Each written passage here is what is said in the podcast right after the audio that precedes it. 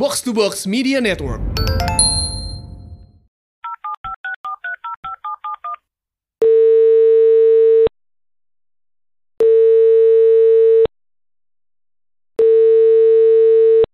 Halo, aku Mona.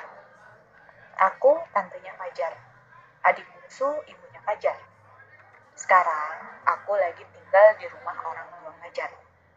Sebenarnya aku tinggal di Cimahi, tapi aku lagi nerusin S2 sama S3 di sini.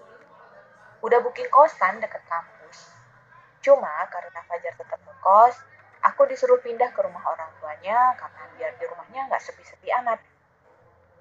Fajar itu kalau di rumah riuh banget. Dia anak satu-satunya. Jadi diperhatiin terus.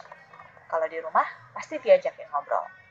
Kalau ibunya ada kerjaan kayak beresin rumah, dia diajakin. Karena biar tetap bisa ngobrol.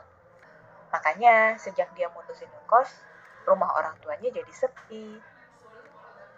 Rumah Fajar sama sekolah, sama kampus sebenarnya nggak jauh-jauh amat. Cuma kalau naik angkot, harus bolak-balik naik turun angkot. Fajarnya mager, jadi dia minta ngekos. Pas umur 17 tahun ditawarin motor, tapi dianya nggak mau. Anaknya nggak gitu suka jalan-jalan.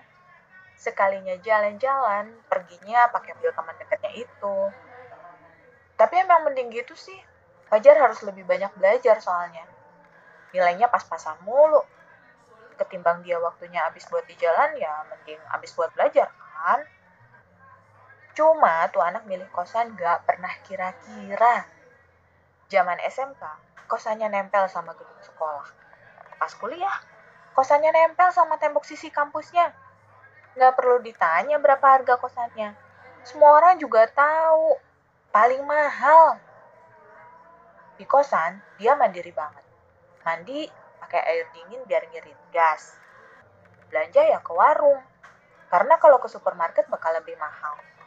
Dia masak sendiri loh, sekaligus. Terus dimasukin kulkas. Jadi tiap hari tinggal ngangetin aja. Ke kampus dia juga bawa bekal. Rajin pula sekalian bawa makanan buat teman dekatnya yang paling mager buat masak. Tapi kalau misalkan lagi bosen sama masakan sendiri ya dia jajan juga sih. Hmm, kalau ada apa-apa dia suka nggak bilang sama orang tuanya.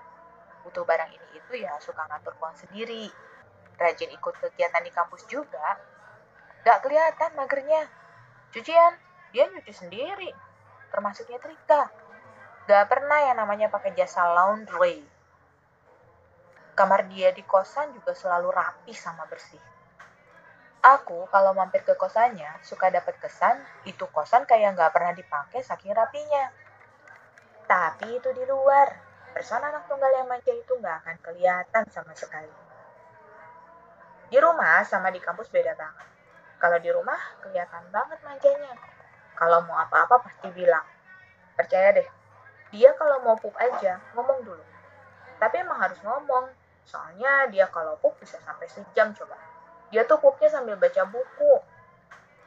Terus tiap malam pasti request sama ibunya mau masak apa. Lucunya, bukan buat dimasakin, tapi buat dimintain belanja. Fajar nggak mau ke warung, Soalnya dia suka bete sama ibu-ibu yang sibuk ngegosip. Ini itu dipegang tapi nggak diambil. Cuma biar tangannya pada sibuk aja kayak mulutnya. Hmm, kalau lagi nonton TV ya, pengennya ditemenin. Biar kalau dia mau komen soal film yang ditonton, jadi bakal ada yang nimpalin. Paling parah tuh soal mandi. Harus banget pakai air hangat. Kalau makan, harus banget panas nasinya kalau yang kenal Fajar di sekolah atau di kampus doang, pasti nggak akan nyangka kalau di rumah dia suka sok banget gara-gara jadi anak tunggal. Jahilnya ampun dah. Soalnya dia tahu dia nggak bakal ada yang marahin. Kalau aku lagi ngerjain tugas di ruang tengah, duduk di lantai terus nyandar di kursi, Fajar suka sengaja duduk di kursi, terus rambut aku dipelintir-pelintir, terus dikuncir, atau malah dikepang sama dia kalau aku naruh makanan di meja, pasti dia comot. Kalau aku beli minuman, pasti dia sedot. Uh, rasanya pengen nge-smackdown aja.